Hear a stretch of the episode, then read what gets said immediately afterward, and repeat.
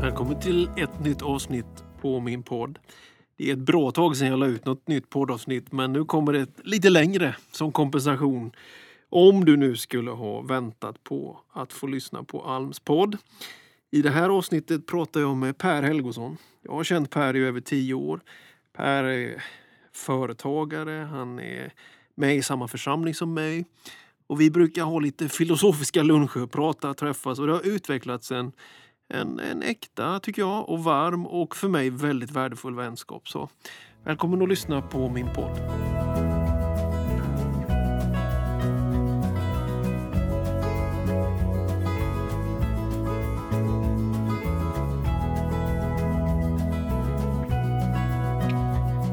Varmt välkommen Per Helgosson och alla ni som har kommit hit ikväll till ett samtal om något som man sällan pratar om, känns det som. I varje fall inte jag. Vänskap. Kort presentation Per, vem är du? Eh, Jag heter Per Helgosson. Jag är 60 plus. Jag blev presenterad inför den här kvällen som fotograf och egenföretagare med så mycket mer än så. Jag är gift med, gift med Ulla som sitter här lite nere och vi har, eh, jag har tre barn. Eh, fyra barn har jag, just det. Måste räkna med Jonas också.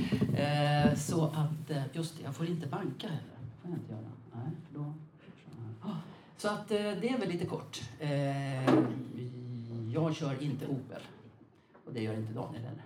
Nej, det gör jag inte. Nej. Per, vi har känt varandra i över tio år. Hur lärde vi känna varandra? Ja, här i kyrkan. Jag flyttade hit, blev pastor här och du är medlem i kyrkan här. Ja. Så så sätt vet vi vi lärde känna varandra du och jag. Men hur, hur gick det till egentligen när vi Ja. fick lite extra kontakt, eller vad man ska kalla det? För man kan ju ändå då säga att vi är vänner. Mm. Mm. Ja, ett statement här till att börja med. Och det kanske kan vara lite inspirerande för eh, andra att lyssna till. Därför att så var det ju inte tänkt. Att vi skulle sitta här idag, tio år senare, och prata om vänskap som vänner. Det hade väl ingen av oss trott, eller tänkt. När vi träffades den lunchen på Jäkneberget då för tio år sedan. Då jag egentligen var lite fundersam över vad var det du Daniel hade predikat över och kände att det där vill jag prata lite mer med Daniel om. Och det gjorde vi. Och det blev faktiskt ett väldigt fint samtal. Eh, och det upplevde vi nog bägge två eftersom vi kände för att fortsätta eh, och träffas och eh, dela fler luncher. Mm. Men du har ju sagt till mig att den första gången vi träffades så, då kände du att jag var ganska mycket pastor. Ja. Mm.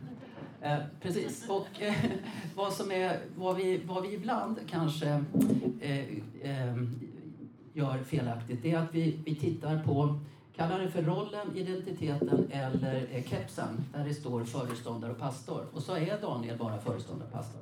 Men han är ju, och det är ju inte bara, men han är ju så fantastiskt otroligt mycket mer.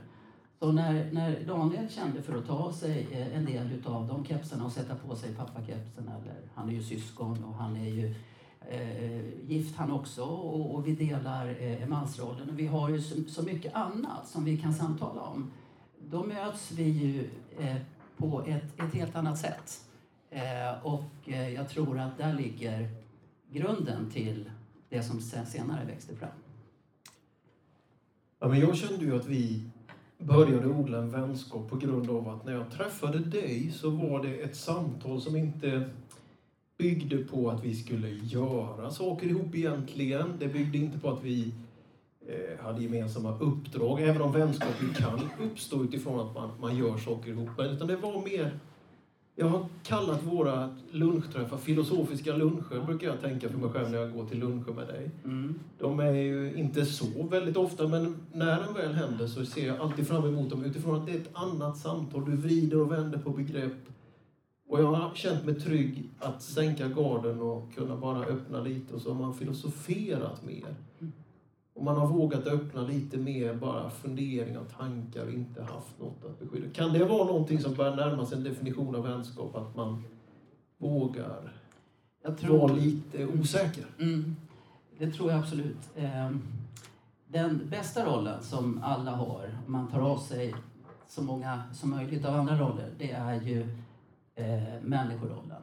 Och där kände jag ganska snabbt med dig att, eh, Eh, vi, att du eh, ville representera det som är människan, nämligen ande, kropp och själ. Och ibland är det en enda röra av, av alla tre delar. Och, och just det här med att inte ha alla svaren, att inte kunna allting.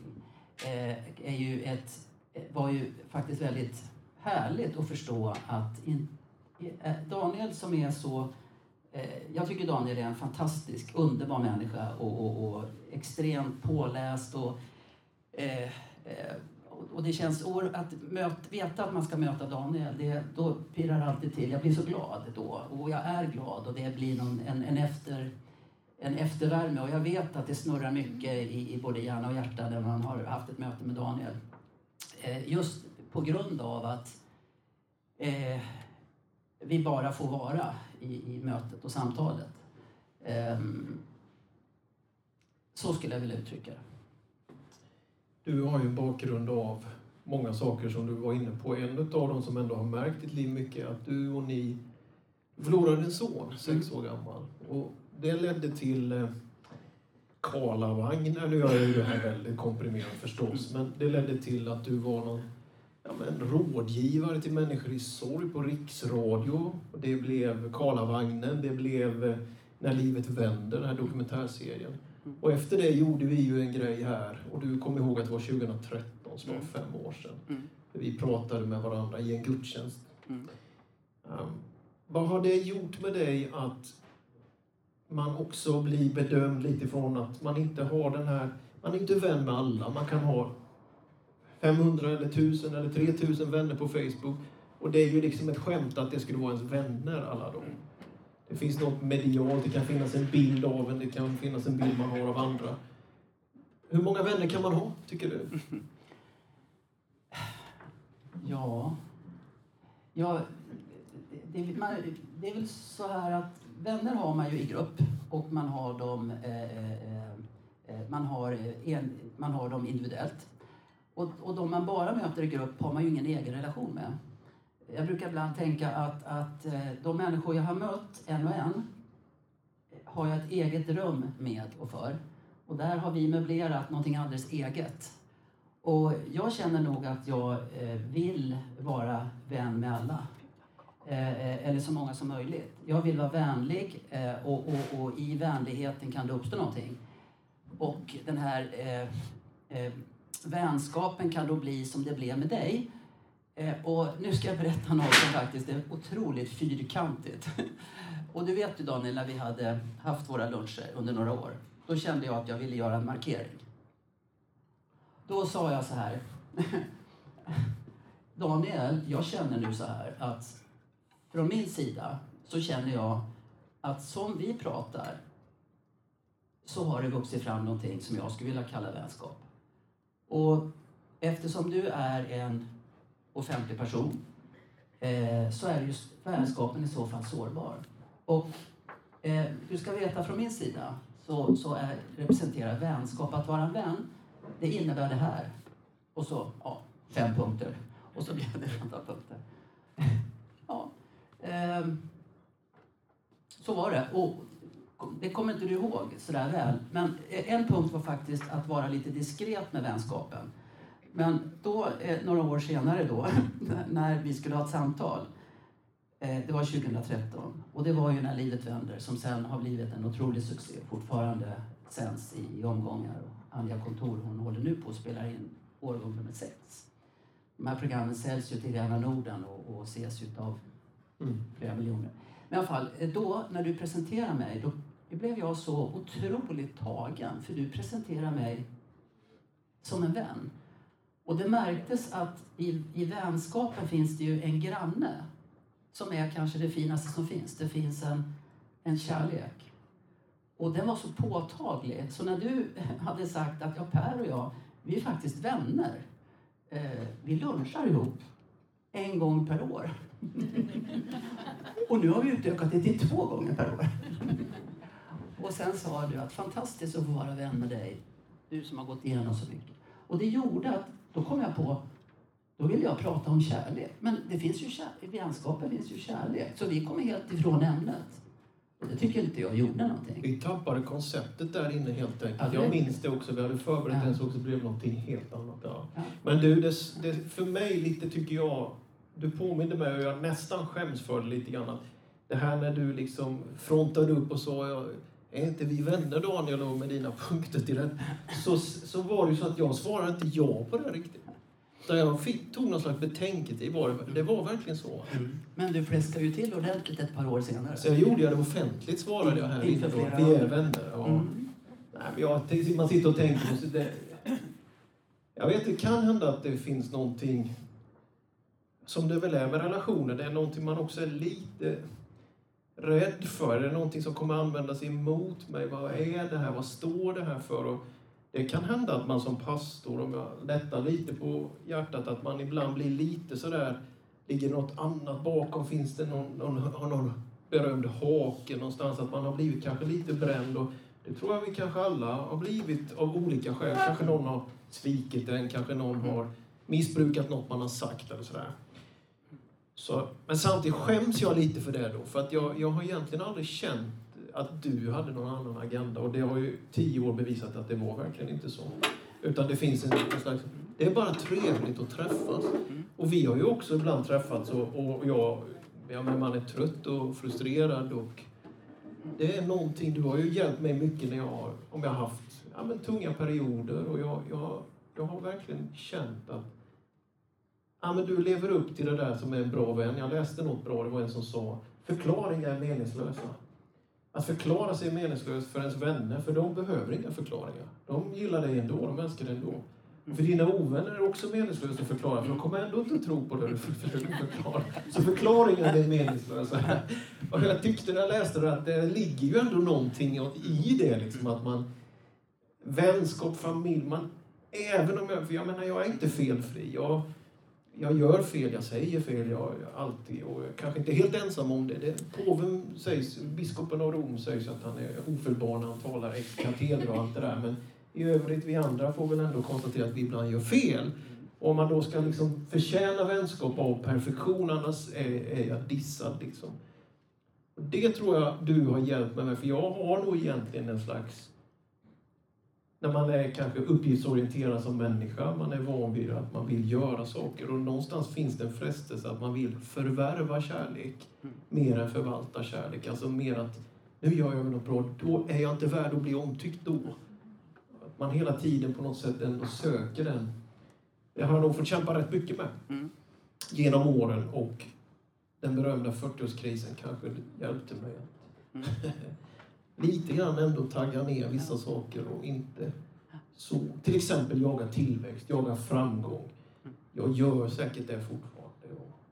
Men inte kanske riktigt på det sättet att vilja visa plustecken. Liksom. Så, ja, men jag säger tack också att du har hjälpt mig att... Eh, eh ja, vänskap eh, är något man kanske förvaltar mer än på ett sätt förvärva. Men någonstans måste man ju våga närma sig en annan människa. Mm. Och det ligger ju alltid något risktagande i det. Om jag berättar något för dig så tar jag en viss risk ändå. Och du Ja, i relation till mig, eller hur? så är det. Så är det. Men Daniel, du Har du blivit av med någon vän någon gång? Eh, ja. Ehm, jag har väl tvingats inse att vara älskad av alla, det är jättesvårt. Och att kunna älska alla är helt eh, är, är också svårt. Men däremot så tror jag att, att det vi tänker om våra medmänniskor tror jag har väldigt stor betydelse. Om vi tänker att det här är en, en, en prövningsmänniska, det här är en prövningsrelation, ja då blir det en prövning. Men om man säger det här är en övningsrelation, jag får öva. Då tror jag att man kan ge relationen ett annat innehåll. Och sen Daniel, 40-årskris, visst är du närmare 50 än 40? Man kan säga att vår vänskap utsätts för ett visst tryck här nu. Eller? Ja, jag fyller 46 nästa vecka. Jag vill bara kolla. Och sen en sak till som är lite grann. Eh, att, att Daniel nu vill, känner för att berätta om det vi alla eh, lite grann, oavsett ålder, brottas med. Det är ju vår identitet. Mm. Vem är jag egentligen just nu? Vem har jag varit? Vem vill jag fortsätta att vara? Eh, varifrån kommer jag? Eh, varför är jag här? Vart är jag på väg? Det är ju fantastiska frågor. Och få dela det med sina medmänniskor och medvandrare, det är ju det bästa som finns. Eh, och att ha många som ser på livet lite, lite olika är ju också en fantastisk gåva. Och sen det här Daniel då, det är ju helt fantastiskt. Det är ju ungefär så här vi pratar. Daniel kan säga då att han skäms. Men då, då kan jag säga till Daniel, då får du släppa det. För att du, inte minst, jag tror nämligen att det är på det här sättet. Att vi alla som är med om bra saker, mm, eh, vi får höra saker, vi upplever bra saker. Och så frågar man, vad fick du vara med om? Ja, det var bra. Ja, vad var det som var bra då? Ja, det kan jag inte riktigt säga. Och då, då kan man tycka att det är inte bra att säga så. Jo, det tror jag jättebra. Jag tror att allt som är bra, som vi är med om, ligger och snurrar någonstans. Jag tror faktiskt det. det är, allt, allt som är bra, det ligger och snurrar och kommer ut någonstans. Och Daniel är ju ett levande bevis på det. När jag sa att vänskap, det är det här för mig. Och så tog det två år. Och så, så säger Daniel det här fantastiska till mig. Som öppnar mitt hjärta. För att hur många här har sagt till någon att, att eh, spontant att här finns det kärlek. Det finns kärlek mellan oss. Det, det, det vet vi alla att det tar emot. Men du Per, jag måste ju ändå fråga, för det är vissa saker där jag har ju inte ens tänkt på det här. Men vad tänkte du då när du liksom öppnar upp och på något sätt erbjuder lite mer sådär närmande eller till en vänskap och sen känner du då att du inte får något riktigt svar av mig då? Vad, eh, den, den tiden mellan mm. det då? då, då vad, vad tänkte du då? Då tänkte jag så här, för att nu närmar du mig i ålder, även om det fortfarande är exakt många år, så nu börjar det där flytta ihop. Nej, jag måste ändå säga att jag närmar mig inte dig i ålder. Men om vi säger så här, då ska jag berätta att när jag var väldigt ung och dum, då tänkte jag så här, så här ska en vän vara. Och då blev det, då var det inte så många kvar. Det var inte så många som kunde leva upp till det. Och nu har jag svängt på det helt och hållet och tänker så här, eh, och så här tänkte jag med dig. Eh, eh, Eh, att eh, i en allt högre grad så kände jag att du är en person som jag på många områden kan lita på. Det var nummer ett. Nummer två, det var att du på väldigt många områden var en person som jag kunde eh, respektera. Mm. Och i respekten det finns det ingen rädsla. Eh, och det finns inte något att man ska leva upp till någonting. Utan jag kände Daniel, han fick vara trött och han reagerade inte på... Och han har ju sina orsaker till det. Jag kan ju inte knacka bakom och höra varför gav du inte den responsen? Varför gjorde du inte si? Varför gjorde han inte så? Och skulle man fastna i en massa eh, eh, eh, ytligheter, då är det ju kört. Då hade det varit kört för länge sedan. Utan det är fantastiskt att få närma sig en annan människa. Och det här att tro att man är så vansinnigt lik en massa andra människor, det tror jag är en myt. Jag jobbar ju med människor professionellt. Jag jobbar ju med människor som gifter sig. Och när de kommer på visningar sen och ska ha sitt material, jag måste skynda och få dem till studion, för många hinner skilja sig. Då har de ena stunden sagt vi är så lika, vi ska vara tillsammans hela livet. Det är inte riktigt på det sättet. Utan det är en, en, en uppgift, en träning som vi, vi alla behöver träna oss i. Eh, att, eh, och människokunskap borde ju finnas på schemat från dag ett, kan jag ju tycka. Mm. Nu går min tankegång. Två, två tankar är att, den ena är att vänskap, jag tycker du bevisade det då i relation till mig, vilket jag är oerhört tacksam för uthållighet. Alltså det är, ska, du, ska man odla vänskap, då måste man, det får man får inte ge upp. Det går, kan, kan gå lite upp och ner. Det andra tanken som jag tänkte på just med att fotografera brudpar är väl att kanske vi ibland har en osund förväntan på vad ett äktenskap ska kunna leverera i citationstecken. Att mm. Vänskap, alltså att den man är gift med ska liksom stå för allt och fylla alla. Utan att man faktiskt också behöver vänner. Mm. Man behöver en, som jag tror, församling. Mm. Större, storfamiljen och allt det. Mm. Så att man inte har liksom all fokus på den här kärnfamiljen till exempel. Då är risken väldigt stor att det blir för stora besvikelser. Möjligen en tanke att vänskap. Att inte, ja, inte bygga en bur hemma utan ett bo liksom. Mera och, Bra. Jag skulle vilja, Daniel, eh, fortsätta med det jag tyckte var i princip absolut det bästa i februari 2013. Vill du höra det? Eh, när vi stod på estraden där och Daniel skulle berätta. För då hade det här programmet sänds på tror jag, en, en onsdag och så eh, var vi i gudstjänsten på en, en söndag. Eh, och, och då, du hade eh, nämnt vänskap och jag hade nämnt, liksom jag hakar på då kärlek. Eh, och eh, så säger du så här. Ja Per, eh, och, och, när vi skulle förbereda det här så satt vi då i, eh, eh, i onsdags vid, vid sopplunchen. Och, eh, eh och eh, då blev jag så berörd Per, för du vet ju att jag är ute och predikar inför så många människor. Då sa du att det är så viktigt att ta hand om, om sina möten. Mm. Och då tänkte jag så här, vad bra, nu ska vi prata om det. slipper vi prata om mig. Och, och det, var, det var ju att jag tror att i vänskapen som, som finns, och nu blev ju den, den blev ju offentlig, så vågar man visa att här vill jag fortsätta, här vill jag bli, här vill jag bli påverkad. Det här vill jag mer av. Och jag har inget minne av att jag hade sagt någonting att det är viktigt att ta hand om, om sina möten. Och då, då är det ju så fantastiskt med oss allihopa. För att vi tror ju att vi inte ska ha brister. Vi vill ju helst tala om att vi är kompletta. Det ligger ju i oss lite grann. Vi ska prestera och vi ska leverera. Eh, och eh, det kändes så fantastiskt bra när du liksom, ja, ungefär som att mm, jag som predikar inför så många och då, var det, då, då kom jag på att vad fantastiskt det var att säga att vad underbart att du har små som du upplever som brister eller områden som du, som du vill förändra och förbättra. Och vad skönt att du är en vän som inte är komplett. För tänk om du vore en fantastisk människa på allt. Då skulle vi nog ha noll luncher per år. För att en sån människa är nog lite problematiskt att dela livet med. Mm. Så eh, det, det tyckte jag var jättefint. Att... Men jag minns den lunchen, den, den lunchen minns jag väldigt faktiskt väl då. Mm. Eftersom att det på något sätt träffade mig. Jag ser upp väldigt mycket till dig, att du är ett föredöme i det. Att du, jag märker till exempel av de som är här ikväll, så vet jag ju att du har ju hunnit prata, du är ju en people person. Du, du fångar en människa, du, du ser och jag är en uppgiftsmänniska i grunden. Jag kanske inte är helt utan emotionella eh, begåvningar men jag, jag ibland är på väg till nästa.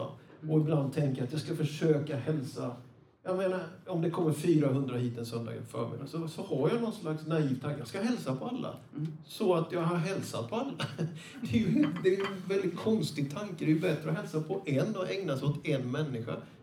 Orka se den i ögonen och ta tid med den. Så när du sa till mig att man ska vara rädd om sina möten, då, mm. det liksom träffade mig som man får bli lite karismatiker här, som ett rema, liksom, som ett tilltal från Gud rätt in här. Du ska vara rädd om dina möten, Daniel.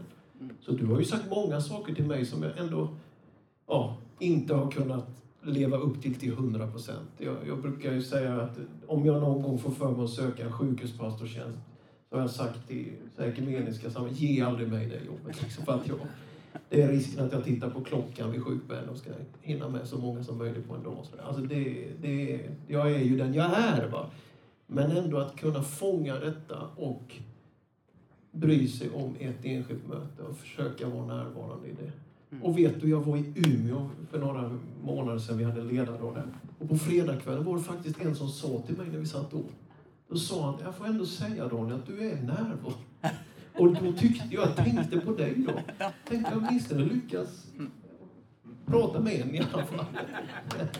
Jaha, applåderas. Men för mig var det ändå faktiskt lite stort att eh, på något sätt känna av det där lite. Att jag hade kunnat ägna mig åt en i alla fall. Eh, den, den aftonen i Umeå.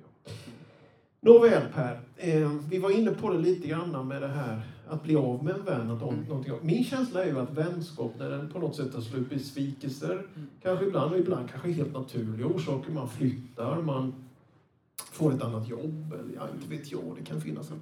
Men man avslutar med vänskap, eller rinner den bara ut i sanden?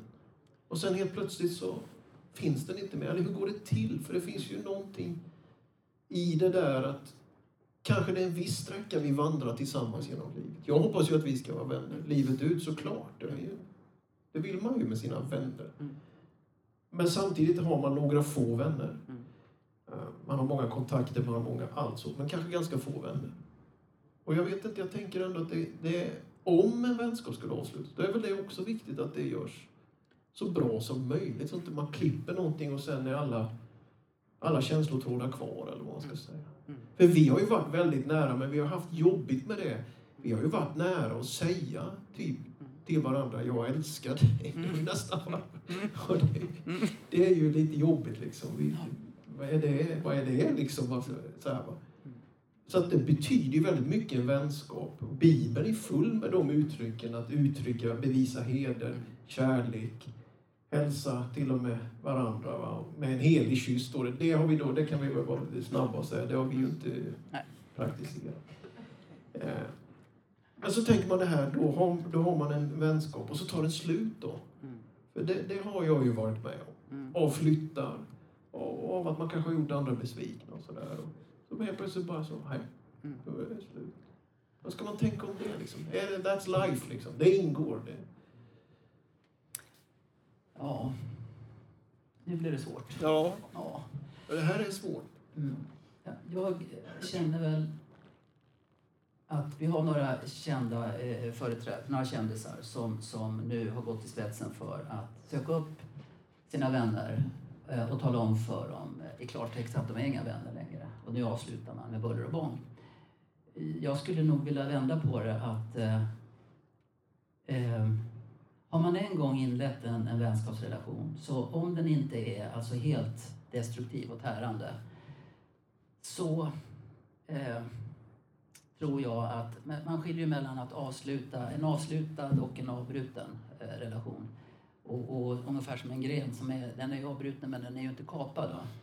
Så jag tror att även med vänskap att man kan, eh, ska kunna ta upp en tråd igen.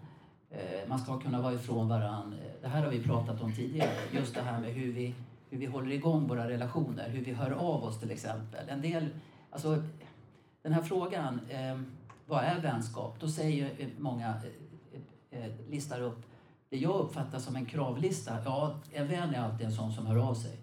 Mm, ja, då är jag nog en dålig. Eller hur? Ja, jag är jättedålig att höra av mig, får jag lov att säga. Vi jobbar ju en hel del, både du och jag får man väl ändå säga. Ja. Men eh, det är ändå ganska härligt. Vi är som ett, redan som ett äktenskap. Det är en av oss som säger att vi ska faktiskt träffas nu och den annan som ja, nu kommer förslagen. Hur? Så vi har ju kommit in i lite fina rutiner i det. Det har du också rätt i. Det har jag faktiskt inte tänkt på, men det är ju så. Eh, Och, och det är ett exempel på om någon vill reta sig på det kan man göra det. Men det, det tycker jag är jättefint. En av oss säger att det är dags att träffas snart och en annan ja men jag har med förslag. Ja då fixar vi det. Det är ganska roligt. Eh, Och att vi har olika uttryck. Jag är, är, en av oss är, är ganska eh, eh, kramig eh, för att det är den personen och den andra kan skriva käre och så kommer namnet. Alltså vi har olika uttryck. Ja men det är ju helt underbart och det är ju fantastiskt. Och Ja. Eh, Det är ju bara så, jag kan ta flera Och en skriver långt och en skriver kort Ja. skulle man också kunna säga. Ja, visst. Ja. Sen får man sitta här och chansa på vem det är. Ja, ja precis. För det, det kan ju inte vara så uppe på. Nej. Nej. Nej.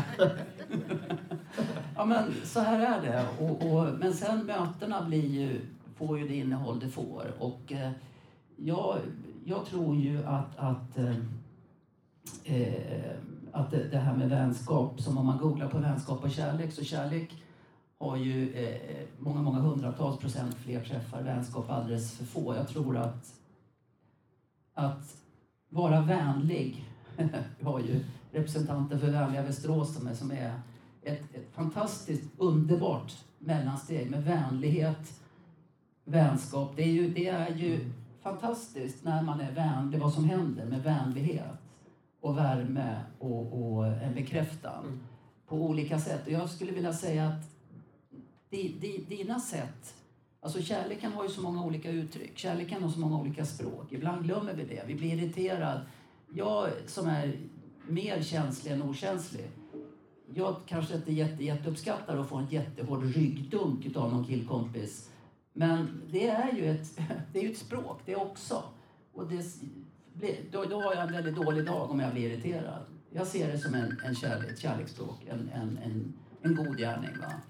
Och jag tror att tänker man så oftare att det är inte så lätt att bekräfta varann. Och, och, eh, jag menar tonåringar ute på skolor ibland, de har ju ett väldigt konstigt sätt att visa att jag finns och eh, ser mig och, och jag vill ha en relation med dig. Det är ju väldigt knöligt.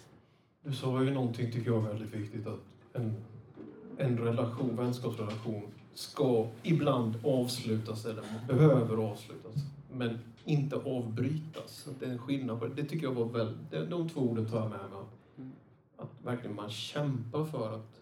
Även om man ibland inser att vi, vi måste gå skilda vägar. Det ser man ju i Nya Testamentet. Mm. Att Mm. Det fanns en, en viss eh, delning mellan Paulus och Barnabas, även mellan Paulus och Petrus. Och, och på grund av ja, konflikter helt enkelt. Och, och då behövde någonting kanske gå lite en annan riktning. Men att kämpa för att man inte avbryter bara ensidigt. För det gör väldigt, väldigt ont och skapar väldigt mycket frågetecken. Som Att man ändå får kämpa för att faktiskt förklara. Att man, med åren av vänskap bygger man ju också upp att den andra måste kunna ändå förvänta sig att ändå få veta varför är jag inte okej längre? Varför vill inte du träffa mig eller hälsa ens på mig längre? Eller vad det nu skulle kunna vara. Mm. Mm. För att annars gör det ju, där behöver man ju verkligen vara rädd. Mm. Tycker jag Mm. om varandra. Eh, vänskapsrelationer som då ibland kanske behöver avslutas. Mm. Eller hur? Absolut, du har helt rätt. Eh, Och samtidigt så kan man ju när man, om man tar upp, om man får en känsla av att den här personen tycker inte om mig, den här personen vill inte vara med mig och det, vi tydligen, vi, vi delar inte, vi, vi ska inte dela tid tillsammans. Så, så, så kan man också bli motbevisad. För att känslan är ju, känslorna man har, de är alltid sanna. Känslan är sann. Men däremot kan den komma från en, en felaktig källa faktiskt. Jag i mitt jobb möter ju väldigt många olika människor och det är väl som du säger att ju mer jag tränar på att försöka vibba in mig på människor desto lättare upptäcker jag att det, det går faktiskt. Men jag, jag ska ta bara ett exempel. Det var en man jag fotograferade för många år sedan nu. Och jag bara kände, han tycker inte om mig. Han gör verkligen inte det. Han ringde för några månader sedan. Han har ett av Sveriges viktigaste jobb och jobbar på en av de mest kända byggnaderna i Stockholm. Och jag blev så, så, så förvånad. För jag var så övertygad om förra gången, för flera år sedan, att han tycker inte om mig. Men så ringde han och sa, han sa ju inte jag tycker om dig, men han visade med sitt sätt att Per, dig har jag förtroende för. Jag vill att du följer mig på min arbetsplats en halv dag. Så ibland det här med, vi ska känna, vi ska ha mycket känslor. Eh, Men de är vi- luriga också. Ja, de, är, de lurar Mm. oss faktiskt. Och, och det var så underbart att få, få den bekräftan. Och, och den, den vill jag själv för egen del ta tillvara. Att, att känslan, det är en sak, men, men den kan leda oss fel ibland. Mm. Mm. I Bibeln så finns ju det här begreppet broderskap, syskonskap. Det har dykt upp i arbetarrörelsen, inte minst franska revolutionen, egalité, liberté, fraternité, frihet, jämlikhet, broderskap. Jag har fyra äldre systrar Mm. och är lillebror. Jag har ju alltid haft någon slags behov av mina bröder på något sätt. Jag var i Hudiksvall och predikade för någon månad sedan och för mig så bara stå jämte pastorn när de hade 100-årsjubileum och jag var där för att tala. Och bara stå lite jämte, han heter Gert-Ove Liv, det är en av mina vänner, i pastorskap. Vän som pastorer är vänner skulle man nästan kunna säga. Det är någon slags annan form av vänskap. Men i alla fall. Och jag tänkte på det precis innan gudstjänsten började. Jag kände det nästan som en slags trådlös kraftöverföring. Jag bara stå lite jämte honom. Vi sjöng med i lovsången. Mm. Han gick fram och hälsade välkommen och sen efter ett tag så var det min tur att predika. Sådär. Det, det finns ju någonting.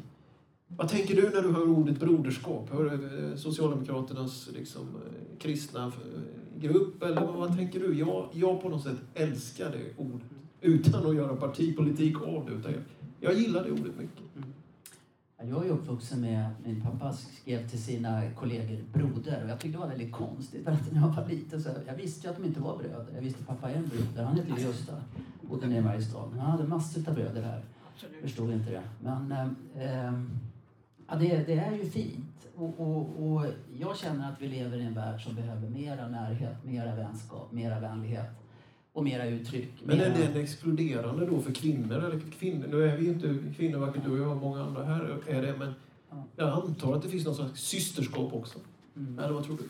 Jo, eh, du menar mellan... Eh, Två kvinnor, ja, alltså ja, ja, absolut, absolut.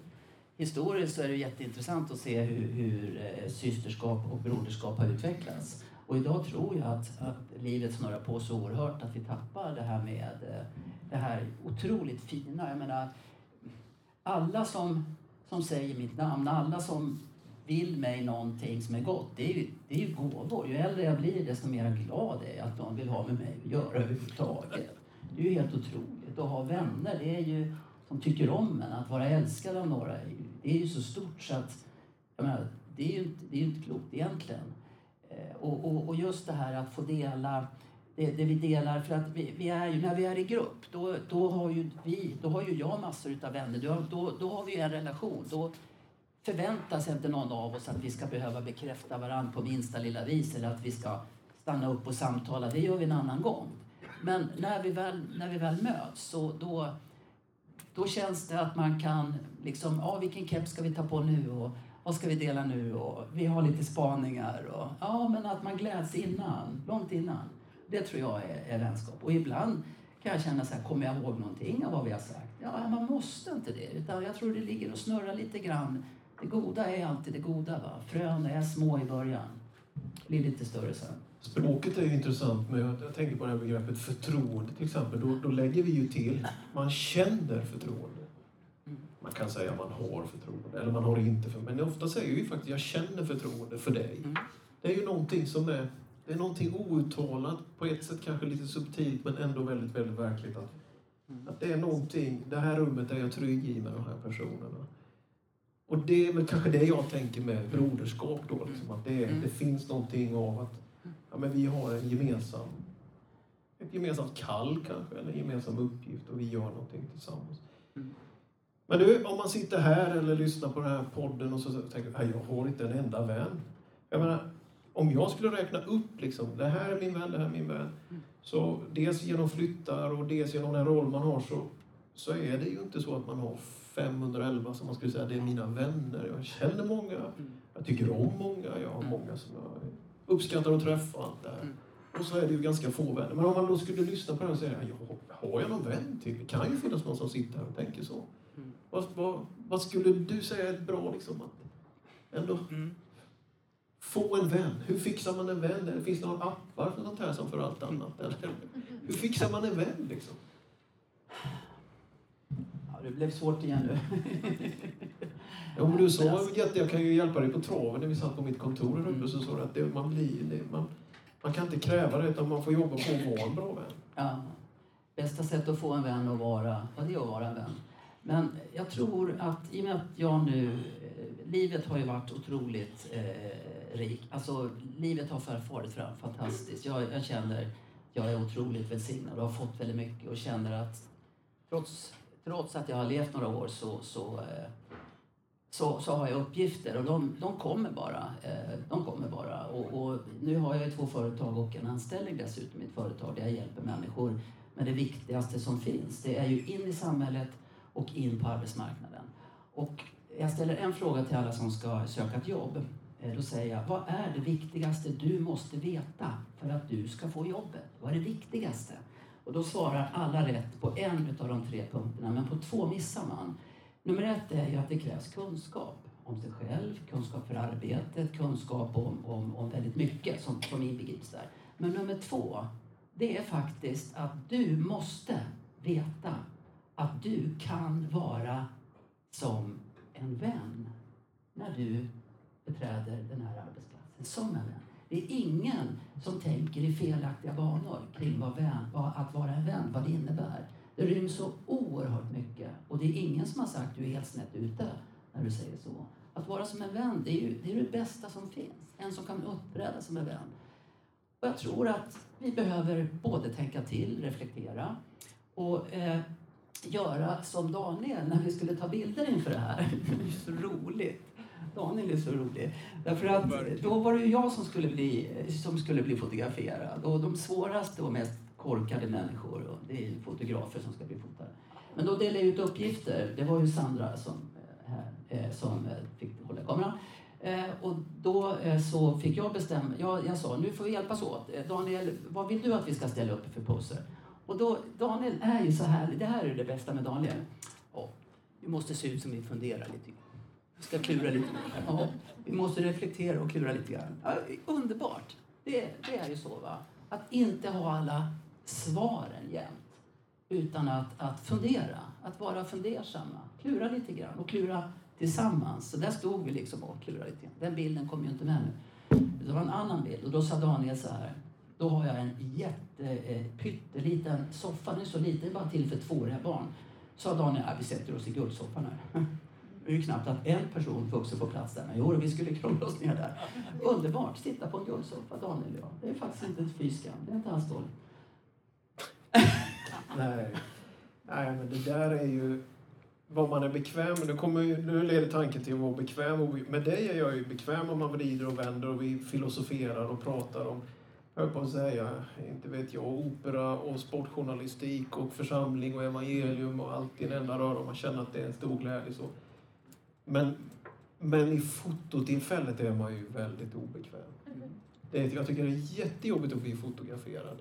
Det har, jag vet inte om det har någonting med att göra att man liksom eh, ofta... Jag vet inte om jag har långa... Jag tycker ofta jag blundar på kort. Va? Vet du, har du något tips för hur ska man, hur ska man fånga, fastna bara på de kort när man tittar med klar blick? Kan du fixa det på något sätt? För det skulle jag behöva, det tipset. faktiskt. Daniel blir jättebra på bild. På var tionde exponering är han helt fantastisk. Sen måste han ju inte se alla exponeringar. Nej, precis. Du får gallra hårt när jag misstänker Det det. är en liten beskrivning av hur vi människor är. Men du Daniel, en sak som jag tänker på nu då. Eh, det är, eh, vad kan det finnas för negativt med, att, med vänskap och med att vi är vänner till exempel? Men det negativa är väl att om man skulle använda det. Klart nu kan vi säga att vi använder det ikväll för jag sa till dig när vi lunchade sist. Jag skulle egentligen vilja göra en podd om det för jag tror inte vänskap, inte minst och vi var inne på lite så här mansspår också, att män särskilt har lite svårt på något sätt kanske. Generaliserande men ändå. Så nu använder vi vår vänskap till att göra det här samtalet i och för sig. Men annars grundläggande så handlar det för mig väldigt mycket om att om jag ska öppna upp och få, då vill jag ju kanske inte att det... Ja, men jag vill inte att det vänds emot mig. Jag vill inte att det används. Jag vill att det får stå för sig, vara det det är. Ehm, om jag, jag är mentor för ett antal pastorer och jag vill helst inte att de säger det i för många rum. Jag vill gärna hjälpa dem, jag vill gärna stötta dem. Men om, om jag hör liksom runt om att ja, Daniel är min mentor som en slags försvar för något de gör som jag inte har en aning om. Alltså, alltså man missbrukar en relation som man har med någon och, och använder den för något helt annat. Det, det tycker jag är ledsamt Mm. och till och med lite respektlöst kanske. Så att Mm. det är känsligt ändå med vänskap. Och det är ju det som är, jag har aldrig känt att under tio år, olika samtal hit och dit och saker har hänt i församlingen, saker har hänt i mitt liv.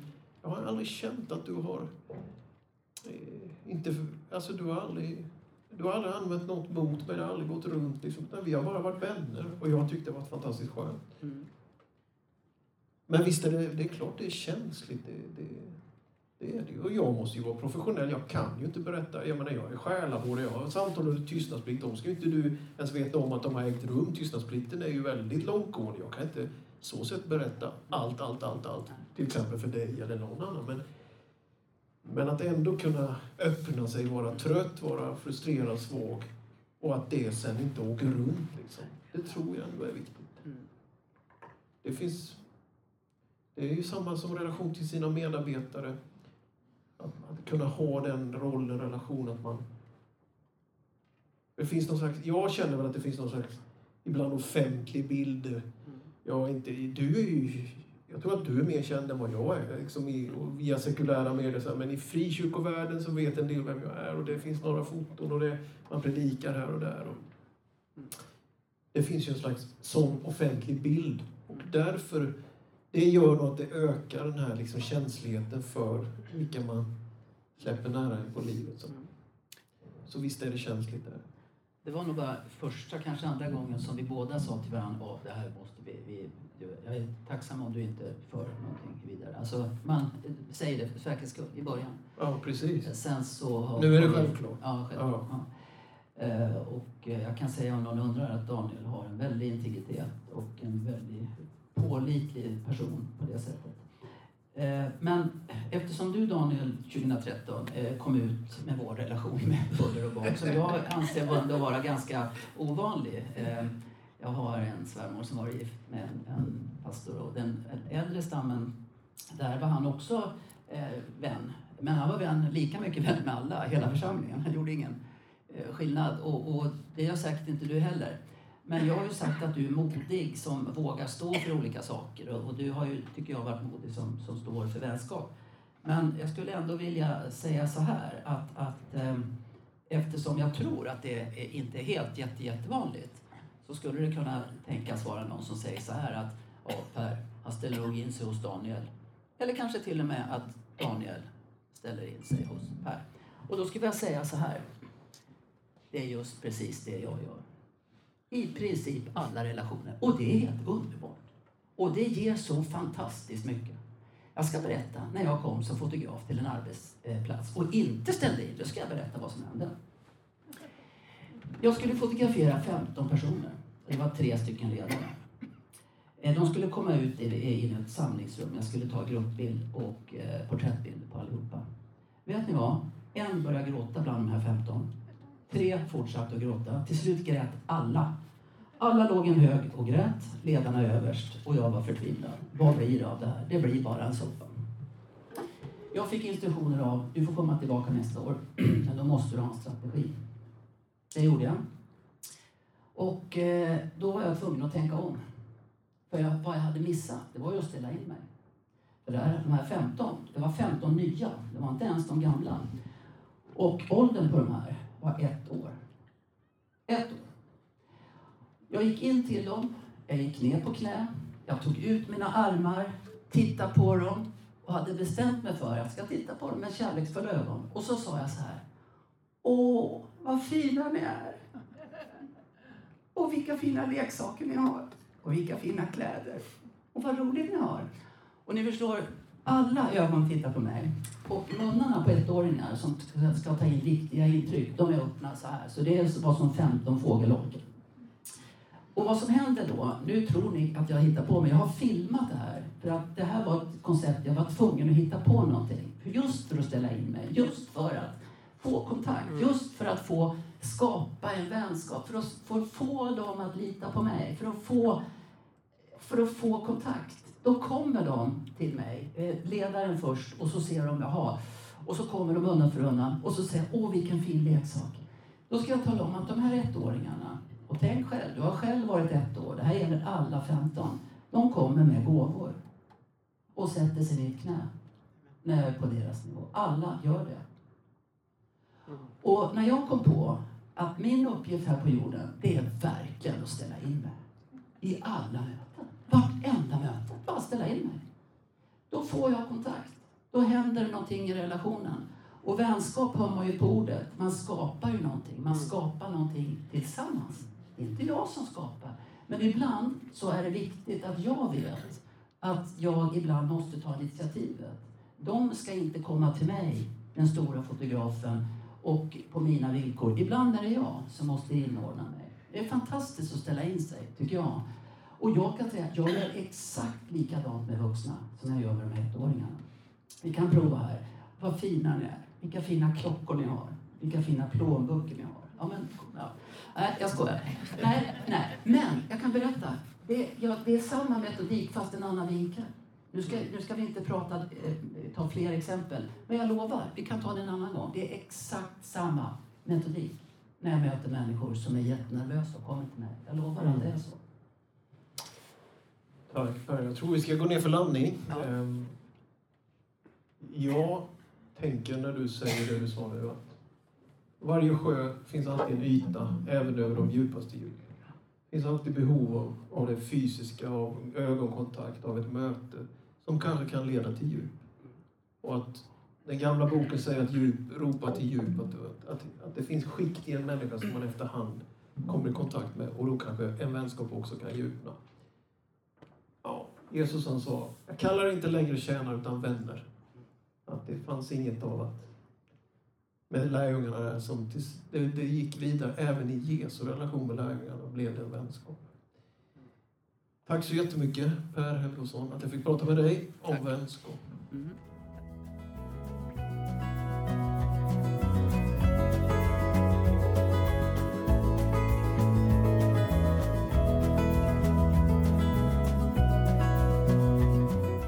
Tack att du har lyssnat idag. Gud välsigne dig.